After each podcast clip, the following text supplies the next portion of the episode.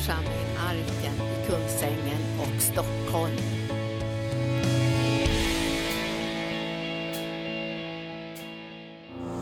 Ja, Herre, vi tackar och prisar dig för att du är god mot oss. Tack för att du är godhet.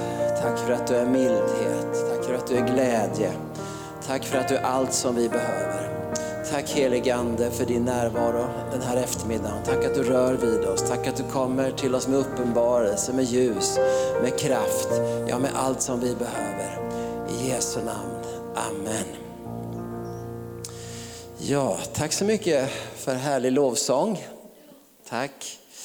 Tack för att vi har blivit inbjudna hit, Monica och jag. Vi är som alltid jätteglada att få besöka er här på Arken. Vi trivs väldigt bra att få, med, att få möta er. Jag känner igen så många ansikten här sedan förra gången. Jag tror det är ett helt år sedan vi var här nu faktiskt. Jag tror det. Vi var i alla fall där för, i januari förra året. Så var det. Så det känns jätteroligt att få komma tillbaka. Härligt. Ja, är ni på hugget? Ja, det är bra. Så här på lördag eftermiddag så ska man vara på hugget. Ja, eh, det är ju församlingen det här temat handlar om. Församlingen och det är någonting som ligger mig varmt om hjärtat och något som jag gärna talar om från olika perspektiv och vinklar. Församlingen är någonting otroligt viktigt i den här tiden. Det har det varit i alla tider men det känns på något vis som att det är extra viktigt nu.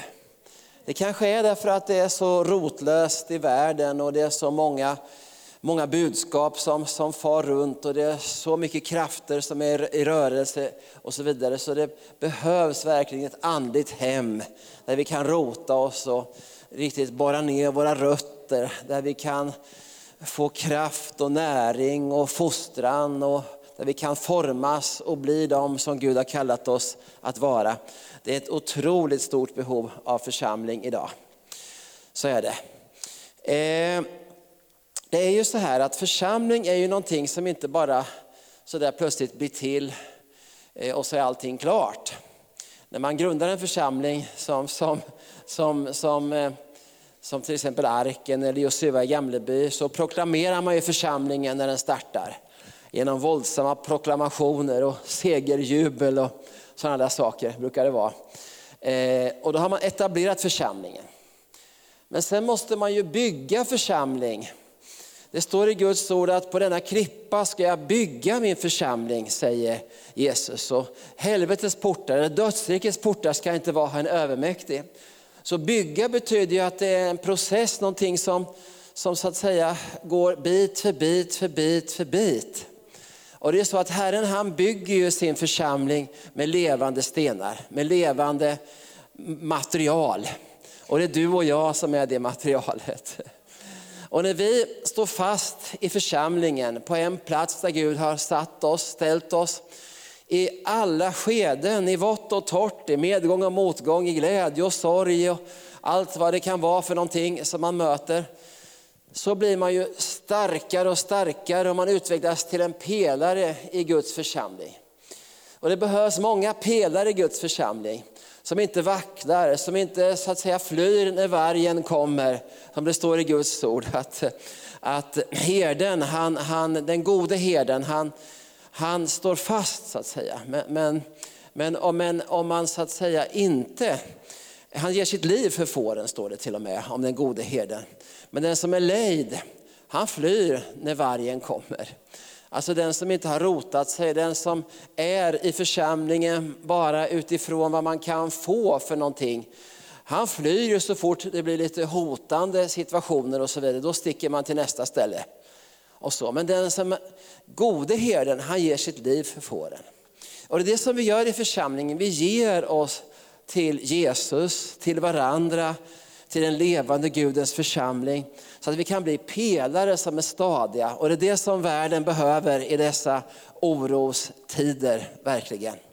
Och jag tänkte tala idag om ett speciellt ämne som är väldigt bra att ha i församlingen. En speciell substans skulle jag vilja kalla det. Som är väldigt bra att ha när man ska navigera i församlingen. För man ska kunna tåla alla skiften som blir i församlingslivet så man kan tåla motgångar, så man kan tåla strul, så man kan tåla orättvisor till, till och med, förstår du. Så man kan tåla till och med sådana här äh, orättfärdiga saker som man, som man kanske blir utsatt för och ändå stå fast som en pelare. Så man kan tåla trista eh, tider, om det finns några sådana. Så man kan tåla tristess, så man kan tåla motgång och, och så man kan tåla allt möjligt som man kan utsättas för. Så man kan tåla allting egentligen som, som man utsätts för i den här världen och i församlingslivet. Och ni vet att den substansen som man behöver ha då, det undrar ju ni vad det är för någonting. För det vill man ju ha, eller hur? Det vill man ju ha, om det är någonting som gör att man tål alla olika, olika skeden. Det vill man ha. va? Ja, det finns ju så mycket substanser vet ni. Bamse han äter ju dunderhonung. Och det är inte det som, som vi behöver ha. och eh, ja, Det finns ju många sådana här olika hjältar i, i, i filmvärlden och sådär som äter olika, Karl Alfred han äter spenat till exempel. Dunderhonung, spenat är ju två tänkbara substanser som skulle kunna hjälpa. Men det är inte det som, som, som, som, eh, som jag ska tala om idag. Det är två saker jag inte ska tala om. Och jag kan ju stå här länge och tala om det som jag inte ska tala om. Så att det blir en lång predikan. Men jag tror jag ska avslöja vad det är jag ska tala om nu idag. Och den substansen den heter tacksamhet. Och jag upptäckte ju här nu att eh, det står ju det här. Och jag visste inte det faktiskt när jag tänkte på vad jag skulle tala om. Jag såg det när jag kom här. Jag förstod genast att ni är i anden här i församlingen. Så jag har skrivit tacksamhet bara för att jag skulle komma. Jag förstår att ni ändrar er till varje predikant kommer och ser om det stämmer då. Va? Idag stämde det. Det var tacksamhet jag skulle tala om.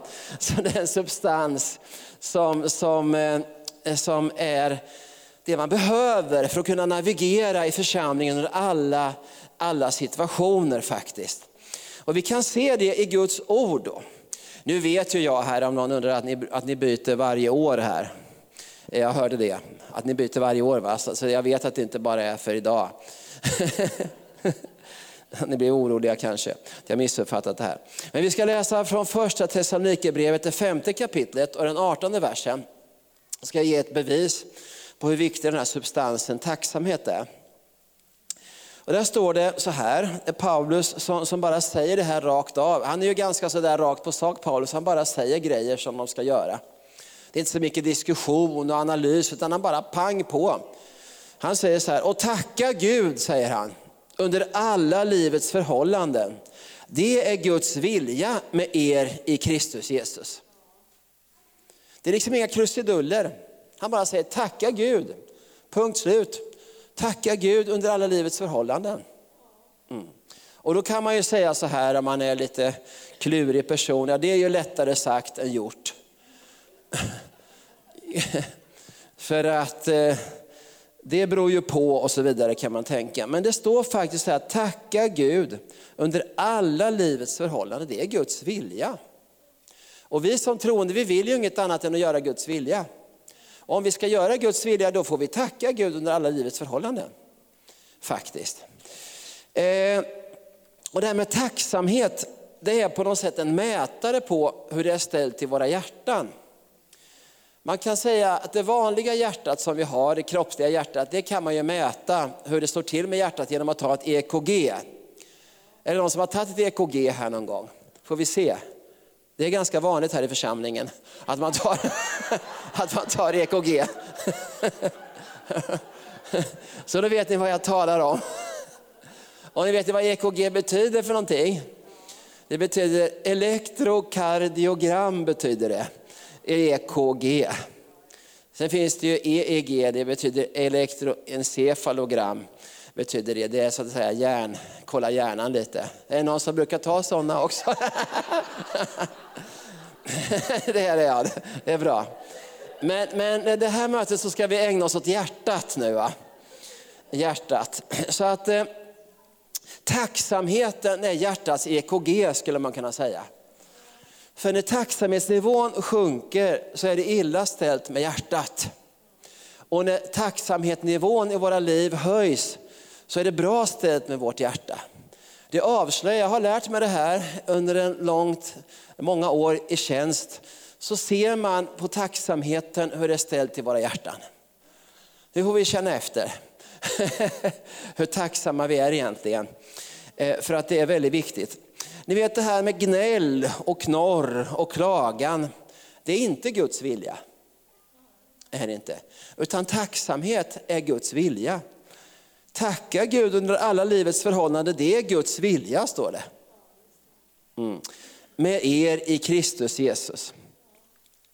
Vår tids kultur och tidsanda, den är ju lite, lite mot det här får man säga. För väldigt mycket är ju, handlar ju om gnäll. Och, och det handlar ju väldigt mycket om knorr och kiv och, och missnöjdhet och kritik. Och vi blir ju nästan i vår tid utbildade i kritik. Vi är ju utbildade som folk i ett kritiskt tänkande. Att analysera, kritisera och hitta fel. Och kan man hitta ett fel någonstans så, så, så, så kanske blir en del jätteglada. Men det är inte den glädjen som Bibeln talar om. Att hitta varandras fel eller så. Utan kritiskt tänkande, det kan ibland vara någonting som gör att vi hela tiden går omkring och känner oss missnöjda. Det kan bli så. Men enligt Guds ord vet ni, så är det här med, med att vara tacksam, det är någonting som inte beror på hur det känns. Eller så. Det är ingenting som, som beror på om det är befogat att vara sur eller missnöjd eller så. Utan tacksamhet är i Bibeln ett val som vi kan göra. Vi kan alltså välja tacksamhet i alla livets situationer. Det är till och med Guds vilja att vi ska välja det. För att om det inte var möjligt att vara tacksam i alla livets situationer, då skulle ju inte Paulus kunna säga det. Va? Han kan ju inte säga att vara tacksam, tacka Gud under alla livets förhållanden om inte det gick att göra så. Eller hur? Utan han säger det därför att det går att vara tacksam under alla livets förhållanden. Därför att tacksamhet är inte en känsla i första hand, det är ett val som vi gör.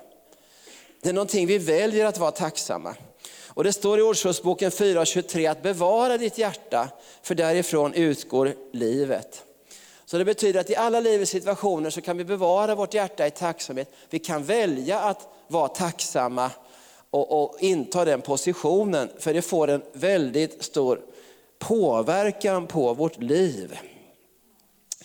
Och den som är tacksam för lite, han har mycket att vara tacksam för, brukar man säga. Så är det ju. Så att om man kan vara tacksam för små saker, då är man tacksam jämt. Va? För det finns alltid små saker att tacka Gud för. Och sen finns det en sak till som är väldigt bra med tacksamhet, det är att det är gratis. Tänk en så dyrbar sak som tacksamhet är helt gratis. Det kostar ingenting att välja att vara tacksam. Tänk vad man skulle kunna ha betalt mycket bara för en sån sak. Att få vara tacksam. Men nu är det gratis, vi kan välja det och ändå väljer inte alla att vara tacksamma. Så är det ju. Ja, jag ser ju det här mycket i mitt liv. Till exempel när jag jobbar med vårt hem eller behandlingshem för, för drogmissbrukare. Så ser jag att om människor är tacksamma för att de har fått hjälp, för att de har fått bli upprättade, för att de har fått lämna det gamla livet. Så har jag märkt att om man är tacksam för, för det, så har man väldigt svårt att komma på fall igen. Därför att tacksamheten beskyddar från fall. Så när jag är tacksam så, så skyddar det ifrån destruktiva tankar. För att mitt sinne är redan fullt av tacksamhet.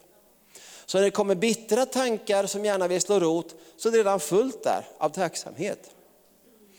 Och när det kommer sådana här liksom, eh, ja, tyck synd om mig känsla, självömkan och sånt där, som kommer emot mig så är redan mitt hjärta fyllt av tacksamhet.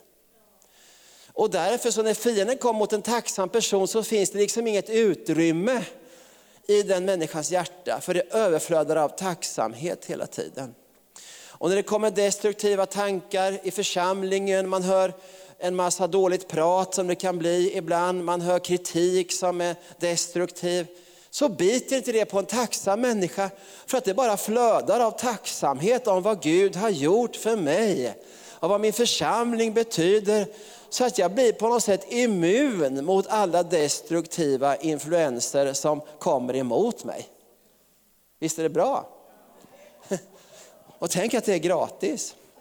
Och tänk att jag kan välja det om jag vill. Va? Så vår tid är präglad av proteströrelser, av aktivism, kritiskt tänkande. Ja, ibland så får man nästan känslan som att människor är mer eller mindre utbildade i otacksamhet. Och vi har långa utbildningar i Sverige, i många år. Så därför är det väldigt viktigt att vi får reda på att tacksamhet är en dyrbar gåva. Det är en skatt som är ett beskydd för vårt sinne, för våra tankar.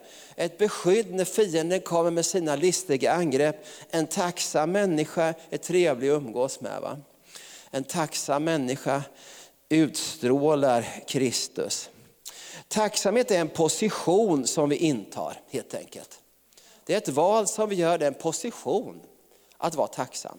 Och vet, det finns människor som har det så bra, där allting står väl till på många olika sätt, men som är otacksamma. Har ni träffat sådana? Allting är jättebra, men de är jätteotacksamma ändå. Hur kan det vara så? Och så finns det människor som har ett jättetufft liv, alltså, som har massa saker som de saknar, som är jättetacksamma. Det verkar inte finnas en riktig sån här, eh, vad heter liksom samband mellan tacksamhet och hur bra man har det. Inget direkt samband i alla fall, utan det verkar som att det är en inställning snarare än hur de yttre förutsättningarna ser ut. Och visst är det bra att det är så, för då kan vi alltid vara tacksamma. För det är ett val som vi gör. Annars tror jag många människor tänker så här att, ja, att, att eftersom jag har det så bra så är jag så tacksam. Om jag hade det så dåligt så skulle jag vara, då skulle jag vara otacksam istället. Nej, så är det inte. Utan det är ett hjärtas val som gör om jag har ett tacksamt hjärta eller otacksamt hjärta. Så funkar det faktiskt. Och Det som händer då det är att jag intar den här positionen av tacksamhet i alla livets förhållanden, tacksamhet till Gud. Så kommer jag att se livet på ett speciellt sätt. Jag kommer att se livet och vara tacksam för allt det som jag har. Va? Men om jag väljer att inta en position av otacksamhet och missnöje och gnäll, då kommer jag alltid att se det som jag saknar. Ja. Så du vet, därför så kan en människa som har allt ändå gå omkring och vara otacksam och titta på det som man inte har. För det finns ju alltid något man inte har som man kan hitta. Va? Men om man är tacksam i sitt hjärta, då kommer man alltid att se det som man har. Och därför kan man under små omständigheter vara ytterst tacksam. Faktiskt. Och det är ett EKG som avgör hur det är ställt med oss. Vi kan ha ett kritiskt tänkande eller ett kristet tänkande. ja, så är det. Eh, om vi skulle ta ett EKG på några av Bibelns gestalter som vi har. Vi kan börja med David. Vi ska ta ett EKG på honom i, i psalm 32. Eh, så ska vi se hur det är ställt med honom. Va? Han hade ju några olika skeden i sitt liv. Där har vi en, det här är en lärosalm av David, står det i vers 1. Eh, och det handlar om Salig är den som fått sin överträdelse förlåten, sin synd övertäckt. Salig är den människa som Herren ej tillräknar synd och, sin, och som i sin ande är utan svek. Och så står det så här i vers 3. Så länge jag teg förtvinade mina ben vid min ständiga klagan. Så att det här var ett tillfälle när David hade fallit i synd. Han hade det inte rätt ställt med Gud helt enkelt. Eh, han hade begått, hade gjort, som vi vet, riktigt grova grejer. hade Han gjort. Han hade begått äktenskapsbrott, han hade skickat en man i döden eh, i samband med det här. Ni känner till den här historien. Och det står om David att det var ständig klagan då. Så länge han teg då, så var det ständig klagan. Det fanns ingen tacksamhet i honom då, utan det var ständig klagan. Det stämmer inte med Guds ord, utan tacka Gud under alla livets förhållanden. Men här klagade David under alla livets förhållanden kan man säga, så länge han levde under synd. Sen bekänner han sin synd här. Och eh, i vers 7 så, så blir det jubel igen. Ja. Och då kommer tacksamheten tillbaka. När han gör upp med sin synd, han lämnar det bakom sig, han blir förlåten. Och utifrån det djupa upplevelsen av förlåtelse och befrielse från synden så kommer tacksamheten och glädjen tillbaka i Davids liv. Vi kan titta på en annan gudsman i Bibeln, det är ju Paulus i Apostlagärningarna 16. Han har ett sånt där tillfälle när det är väldigt läge för att klaga. Han har predikat evangelium, han har blivit tillfångatagen, piskad, satt i den innersta fängelsehålan tillsammans med Silas. Han, han, eh, har blivit, ja, han mår dåligt, fötterna har de, har de satt fast i en stock. Och de sitter där, det är mitt i natten. Man kan säga utifrån omständigheterna var det läge för ständig klagan där. Han kunde satt igång och gnällt som bara den i det läget. Och talat om hur orättvist livet var. Han kunde klagat på Gud, att han inte fick beskydd. Han kunde ylat och gnällt som bara den. Men, men Paulus valde även i den yttre situationen så valde han att uttrycka tacksamhet. Visst är det otroligt? Efter en sån orättvis behandling ändå uttrycka tacksamhet. Hur kunde det vara på det viset? Jo, Paulus var full av tacksamhet. Inte för att han satt i fängelse eller för att han blivit piskad, utan för att han var frälst. För att han var född på nytt, för att hans synd var förlåten. För att det gamla var förgånget, för något nytt hade kommit. Det prisade han Gud för. Vid midnattstid så sjöng de lovsång och prisade Gud, står det. Så det betyder den värsta tänkbara situationen, han visste ju inte ens om han skulle överleva det här, så uttryckte Paulus tacksamhet i den här situationen. Va? Så det är ett tydligt bevis för oss att det går att tacka Gud under alla livets förhållanden. Därför att det är Guds vilja i Kristus Jesus. Och Det här tycker jag är en väldigt intressant situation. Jag brukar ofta tala för den här situationen för den är så väldigt tydlig är den helt enkelt. För ni vet att här är det värsta läget kan man säga. Både kroppsligt, själsligt så är det värsta läget. Orättvist, det är läge för självömkan, det är läge för alla tänkbara jobbiga saker. Men då att uttrycka tacksamhet i ett sånt läge är som en bomb i anden kan man säga. Det är att utlösa en bomb, det är att prisa Gud under knepiga omständigheter. Du vet en bomb är en laddning av olika ämnen som man blandar ihop. Så att det blir något dynamit eller krut eller vad man har för någonting som man blandar ihop med eld och annat så, så blir det en riktig smäll. Va? Eller hur? Om man blandar en bomb rätt, tillsätter de rätta ingredienserna och lite gnister och sånt där, va? så blir det en riktig smäll. Va? Så är det. Och vet, så är det också i andevärlden. Att när en människa blir utsatt för orättvisa, oförrätter, när en människa utsatts för kränkningar och, och, och felaktiga grejer, ni har blivit lärda att, att så att säga bli sura och arga i det världsliga, då är det riktigt läge för att prisa Gud. Va? För den blandningen av orättvisa, kränkning, förnedring, eh, ja, allt vad det kan heta för någonting som vi blir utsatta för, som normalt sett genererar, genererar gnäll i den gamle Adam alltså. När den, när den nya skapelsen reagerar på de här kränkningarna med lovprisning och tacksamhet, då blir det en ingrediens som utlöser en bomb i anden. Så är det. Så om du vill bryta igenom, om du vill se under och tecken och mirakler, om du vill se riktiga genombrott, så prisa Gud när det är som jobbigast. Prisa Gud när du normalt sett skulle gå in i självömkans träsk och bli som ett russin och, och, och liksom tycka synd om dig själv och knarka på, på tyck synd om mig-känslor. Om du istället väljer att prisa Gud va, i den situationen. Tacka Gud för att du är frälst.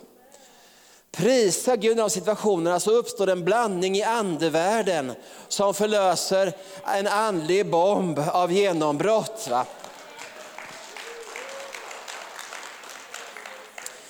För vad är det som händer egentligen i Apostlagärningarna 16 när Paulus lagar till den här bomben? Va?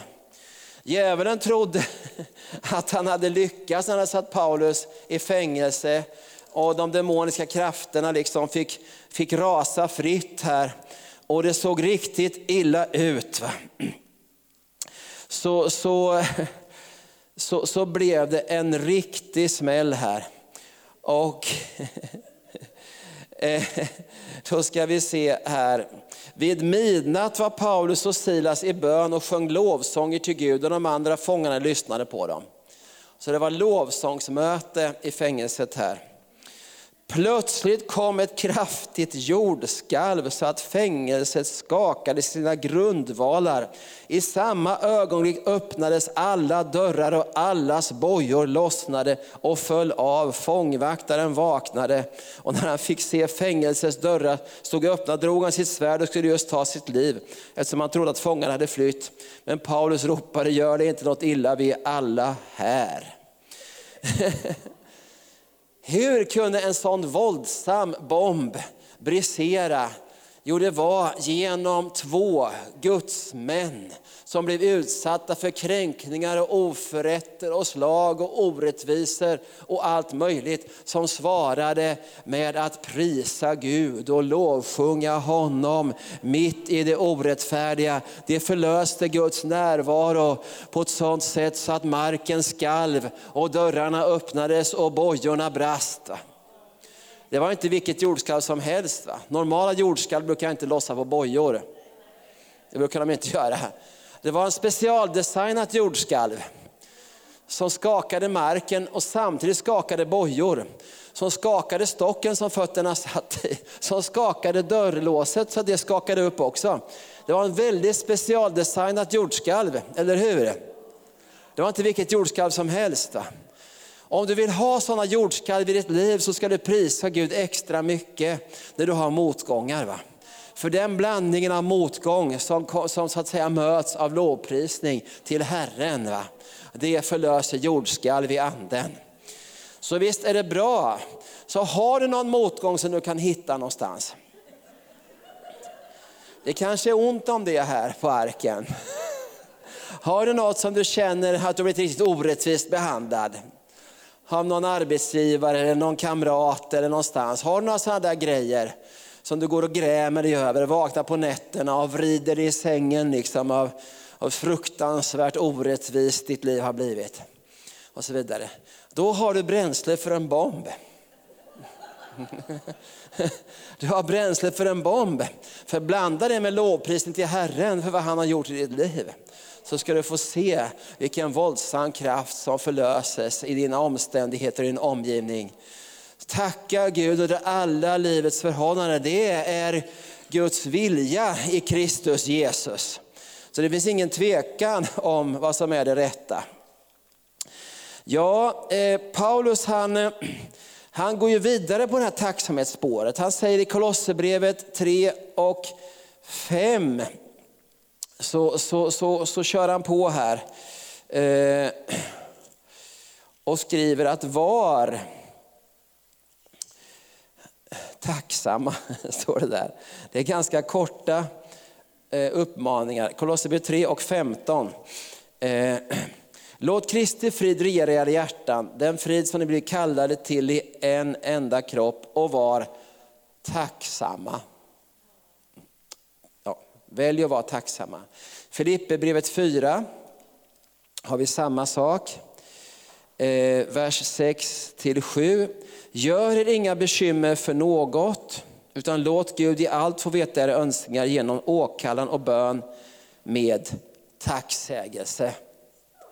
Vi glömmer ofta när vi läser det där, men, men, men det står faktiskt så. Då ska Guds frid som övergår allt förstånd bevara era hjärtan och era tankar i Kristus Jesus. Det finns ett beskydd i tacksamheten. Det finns ett beskydd för våra tankar i tacksamheten. Och jag skulle denna lördag eftermiddag vilja slå ett slag för något som jag kallar för tung tacksamhet.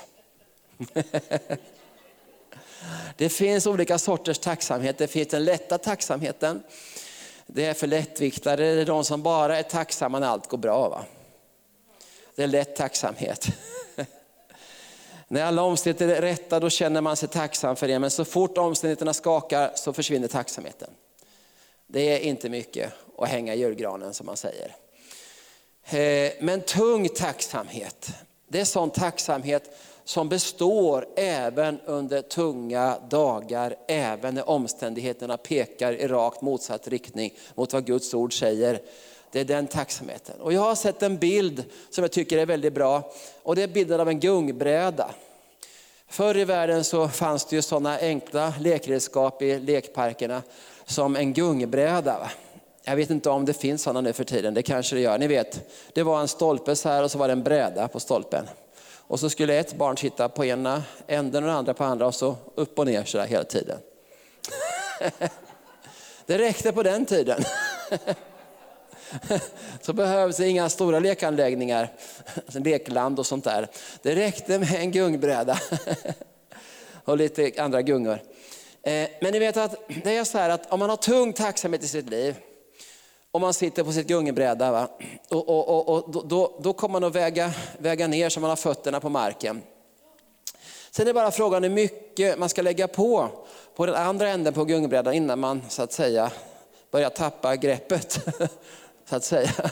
Hur mycket tål man innan man tappar tacksamheten? Hur mycket ska man lägga på? För Paulus och Silas räckte det inte med att bli tillfångatagna, piskade. Det, det hände ingenting. Eller satta med fötterna i stocken. Eller att det var natt och, och den innersta fängelsehålan. De hade fortfarande så, att säga, så tung tacksamhet så att det kunde inte få dem att lyfta och tappa greppet. Så vi behöver en tung tacksamhet under alla livets förhållanden som tål någonting.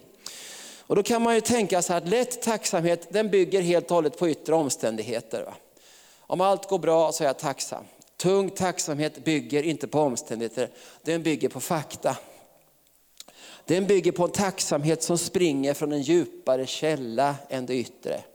Den springer ut ifrån källan av förkrosselse, av syndanöd, av pånyttfödelse, av upprättelse, det är en tacksamhet som kommer utifrån en känsla av total desperation och hjälplöshet.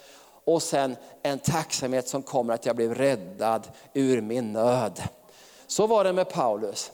Han hade varit så fruktansvärt förkrossad när han hade sett sin synd eh, på Damaskusvägen, när han, Herren mötte honom, han blev blind och alltihop det här. Va? Så att den tacksamheten den förändrades inte av yttre omständigheter.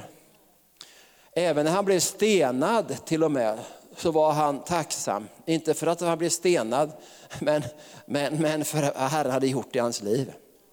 Och genom den tacksamheten så kunde inte ens de stena honom till döds, utan han reste på sig efter ett tag och gick in, gick, gick, gick vidare. Gick in i staden, eller vad det står där. Han gick i alla fall, det gjorde han. Han bara tackade Gud.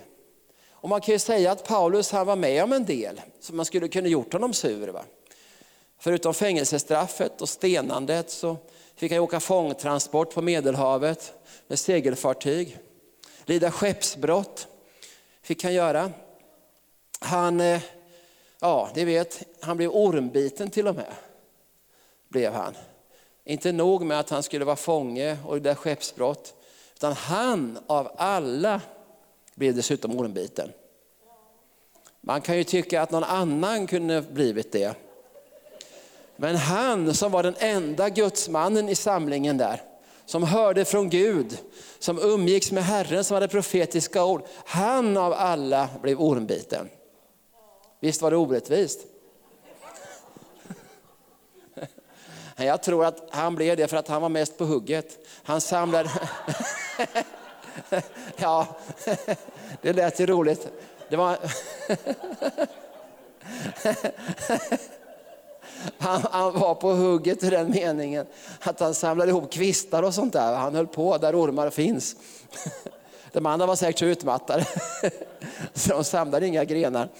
Men hur som helst, Paulus han blev inte otacksam ändå. Han tog ormen och grillade honom lite över elden tills han släppte. Va? Så blev det. Tacksamhet är ett beskydd. Vi kan se det också i Lukas 7 och 38.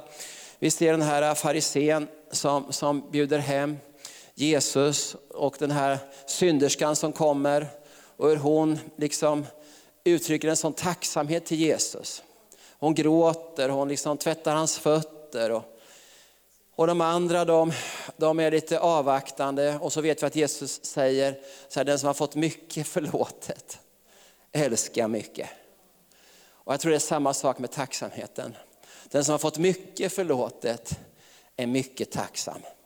Den som har fått lite förlåtet är inte så tacksam. Så att den tunga tacksamheten den springer ur en uppenbarelse över vad jag har fått i Kristus. Den springer ur uppenbarelsen att jag fått min synd förlåten. Ur uppenbarelsen om hur fångad jag har varit i min synd och hur hopplöst elände mitt liv har varit om inte Gud hade räddat mig. Om jag har sett det, om jag har upplevt det och blivit förvandlad utifrån vad Gud har gjort i mitt liv och jag förstår det, då har jag en tung tacksamhet som går igenom alla situationer och beskyddar mig i varje läge. För när tacksamheten försvinner så är jag ett lätt byte för fienden. Då sår han in bitterhet, då sår han in surhet, då sår han in förtal, då sår han in allt möjligt som gör att vi inte kan fungera i församlingen. För när de här sakerna kommer in, när fienden får börja verka, börjar lyssna på fel saker, börjar ta in fel information, får en fel världsbild över församlingen, så är jag snart borta. Därför att fienden drar, drar mig ut ur församlingen. Och han börjar med att få bort tacksamheten. Sen kan han så in allt möjligt skräp i mitt sinne. Eh, allt ifrån högmod till missmod och allt sånt där. Och till slut så drar han mig ut ur församlingen. Vi hörde bra bilder här om får och pingviner här inledningsvis. Eh, och det är ju så med många djur att de, de så att säga lever i flock. De, de skyddar varandra genom att stå tätt, tätt, tätt mot kyla eller mot andra faror. Och det är så med oss också, när vi står tätt, tätt, tätt i församlingen så är vi skyddade mot fiendens lömska attacker. Och därför försöker han alltid lura oss, för han kan inte dra oss ut i församlingen, han måste lura oss att själv gå därifrån. Och det gör han genom våra sinnen. Våra sinnen som, som han skickar in tankar i. Va? Men tacksamheten skyddar vårt sinne. Då ska Guds frid bevara våra tankar i Kristus Jesus. Så tacksamheten som vi kan välja själva är som ett vaccin emot farliga tankar, emot fiendens attacker i våra sinnen. Fienden är ju besegrad, han kan inte göra oss någonting. Vi är beskyddade i Kristus Jesus.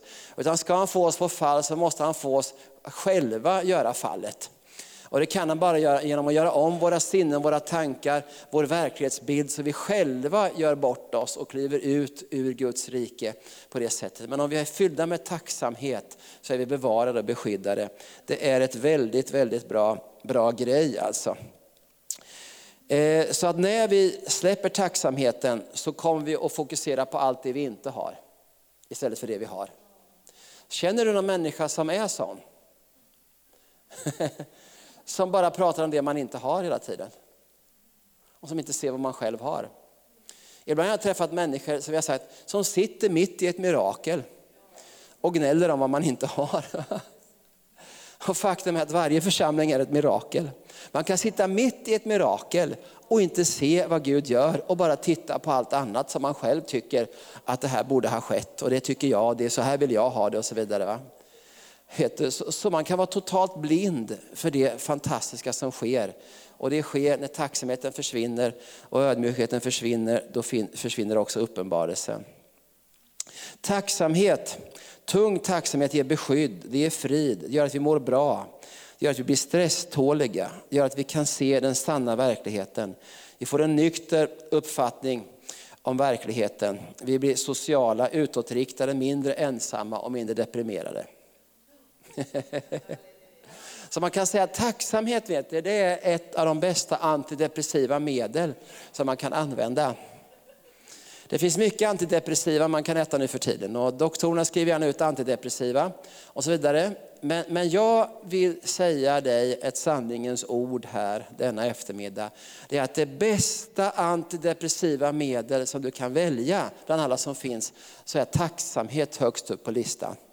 Att tacka Gud under alla livets förhållanden. Det går att tacka sig ur en depression. Det går att tacka sig ur en jobbigt psykiskt mående genom att bara tacka, tacka, tacka Gud för allt som han har gjort. Tacka Gud för allt som han säger i sitt ord. Tacka Gud för det som jag ser. Tacka Gud för det som jag inte ser men som står i Guds ord. Tacka Gud, det är att bejaka livet och det är att, att verkligen leva.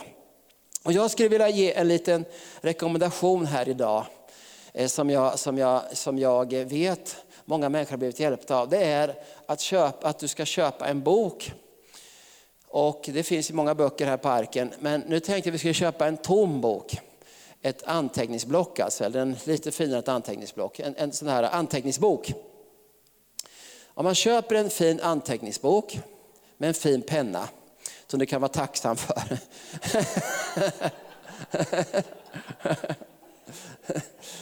Och sen så varje dag så skriver du, e- gör en, skriver du tacksamhetsdagbok på boken. Och varje dag så skriver du ner allt som du är tacksam för.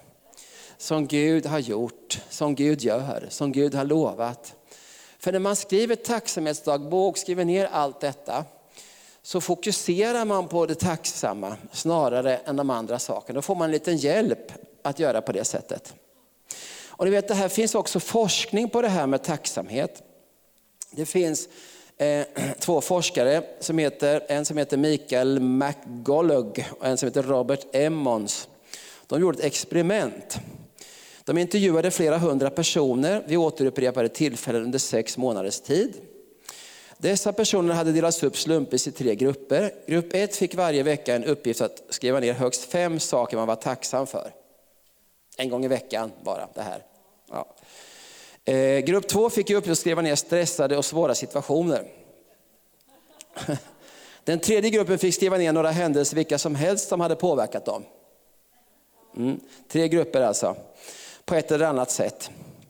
Det visar sig att de som fått i uppgift att vara tacksamma blir mer uppmärksamma för sånt som var anledning till tacksamhet. Det är inte så konstigt. Nej. Eh, de blev mer alerta, entusiastiska, energiska, optimistiska och beslutsamma än de andra två försöksgrupperna. De upplevde mindre stress, avund, depression och var mer benägna att hjälpa andra. De sov bättre, motionerade oftare. nådde oftare personliga mål och fungerade som en inspirationskälla för sin omgivning. Det visade sig att deras tacksamhet var smittsam. För de som hade fått hjälp blev sedan i sin tur tacksammare och generösare på det sättet. Försöksgruppen fick dessutom en ökad förmåga att reflektera över livet. Det var ganska mycket grejer. För att de var tacksamma. Så att ett litet tips här nu, denna eftermiddag. Att skaffa en bok, skriv ner varje dag allt som du är tacksam för. Så kommer du vara fokuserad på rätt sak och kommer att klara prövningar bättre. Och det är den bästa antidepressiva metoden som jag kan komma på faktiskt. Eh, ja, och jag skulle också vilja säga så här att tacksamhet gör att vi ser livet på ett helt nytt sätt. För även det förgångna vet ni, som man kanske kan vara bitter och besviken på, kanske sin uppväxt, sin barndom och allt sånt där. Man kan ju ha fastnat i besvikelse på barndomen. Ibland så träffar man ju människor som är uppvuxna under samma förhållanden, syskon och, och kanske till och med tvillingar. De har fått allt likadant. Och den ena kan vara jättetacksam för sin uppväxt och se det som att de hade en bra uppväxt. Den andra kan tycka att de har ett hemskt liv. Därför att det betyder, det avgörande är vilket val man gör i sitt hjärta för hur man ser på livet. Men om man fokuserar på det goda som man har haft kanske under sin uppväxt, det som har varit bra, om man tänker med tacksamma tankar på sina föräldrar fast de kanske hade brister och så vidare. Och för att man kanske till och med förlåter människor för det som de har gjort emot mig. Förlåter föräldrar, förlåter nära och kära, rensar ut besvikelse, bitterhet, sådana saker i sitt liv. Så kan man plötsligt börja se på det som har varit också med tacksamhet. Och då plötsligt kommer man att fokusera mera på det som var bra än det som var dåligt. Och eh, det finns en boktitel som jag är väldigt fascinerad av som säger så här att det är aldrig för sent att få en lycklig barndom.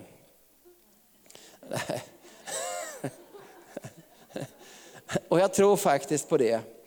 Att eh, om vi går igenom våra liv, rensar ut besvikelse Eh, och bitterhet, skuld och skam, alla sådana saker som ligger och skaver och är i vägen för oss. Om vi gör upp med allt detta i det förgångna, rensar ryggsäcken och så vidare och börjar se med tacksamhet på livet, på att man överhuvudtaget har blivit född, att man har föräldrar, eller hade, även om de brast och så vidare, så får man ett helt nytt perspektiv i livet.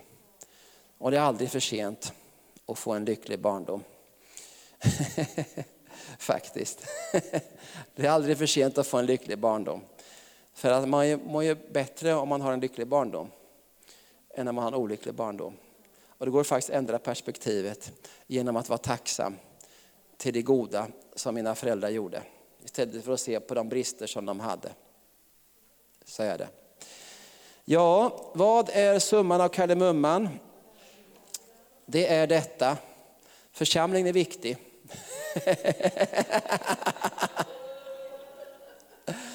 Församlingen, Herren bygger sin församling med dig och mig som levande stenar. Den behövs i den här tiden. Tacksamhet är en substans som är nödvändig för att kunna navigera och leva i församlingen utan att, att tappa greppet och bli lurad av banan och förlora det som Gud har gett oss i församlingen. Det är aldrig för sent att få en lycklig barndom. Det är aldrig för sent att få en lycklig församling. Det är aldrig för sent och, och, och, och eh, ja, det är aldrig för sent att göra det som Gud vill. Det är aldrig för sent att bli tacksam. I Jesu namn. Amen.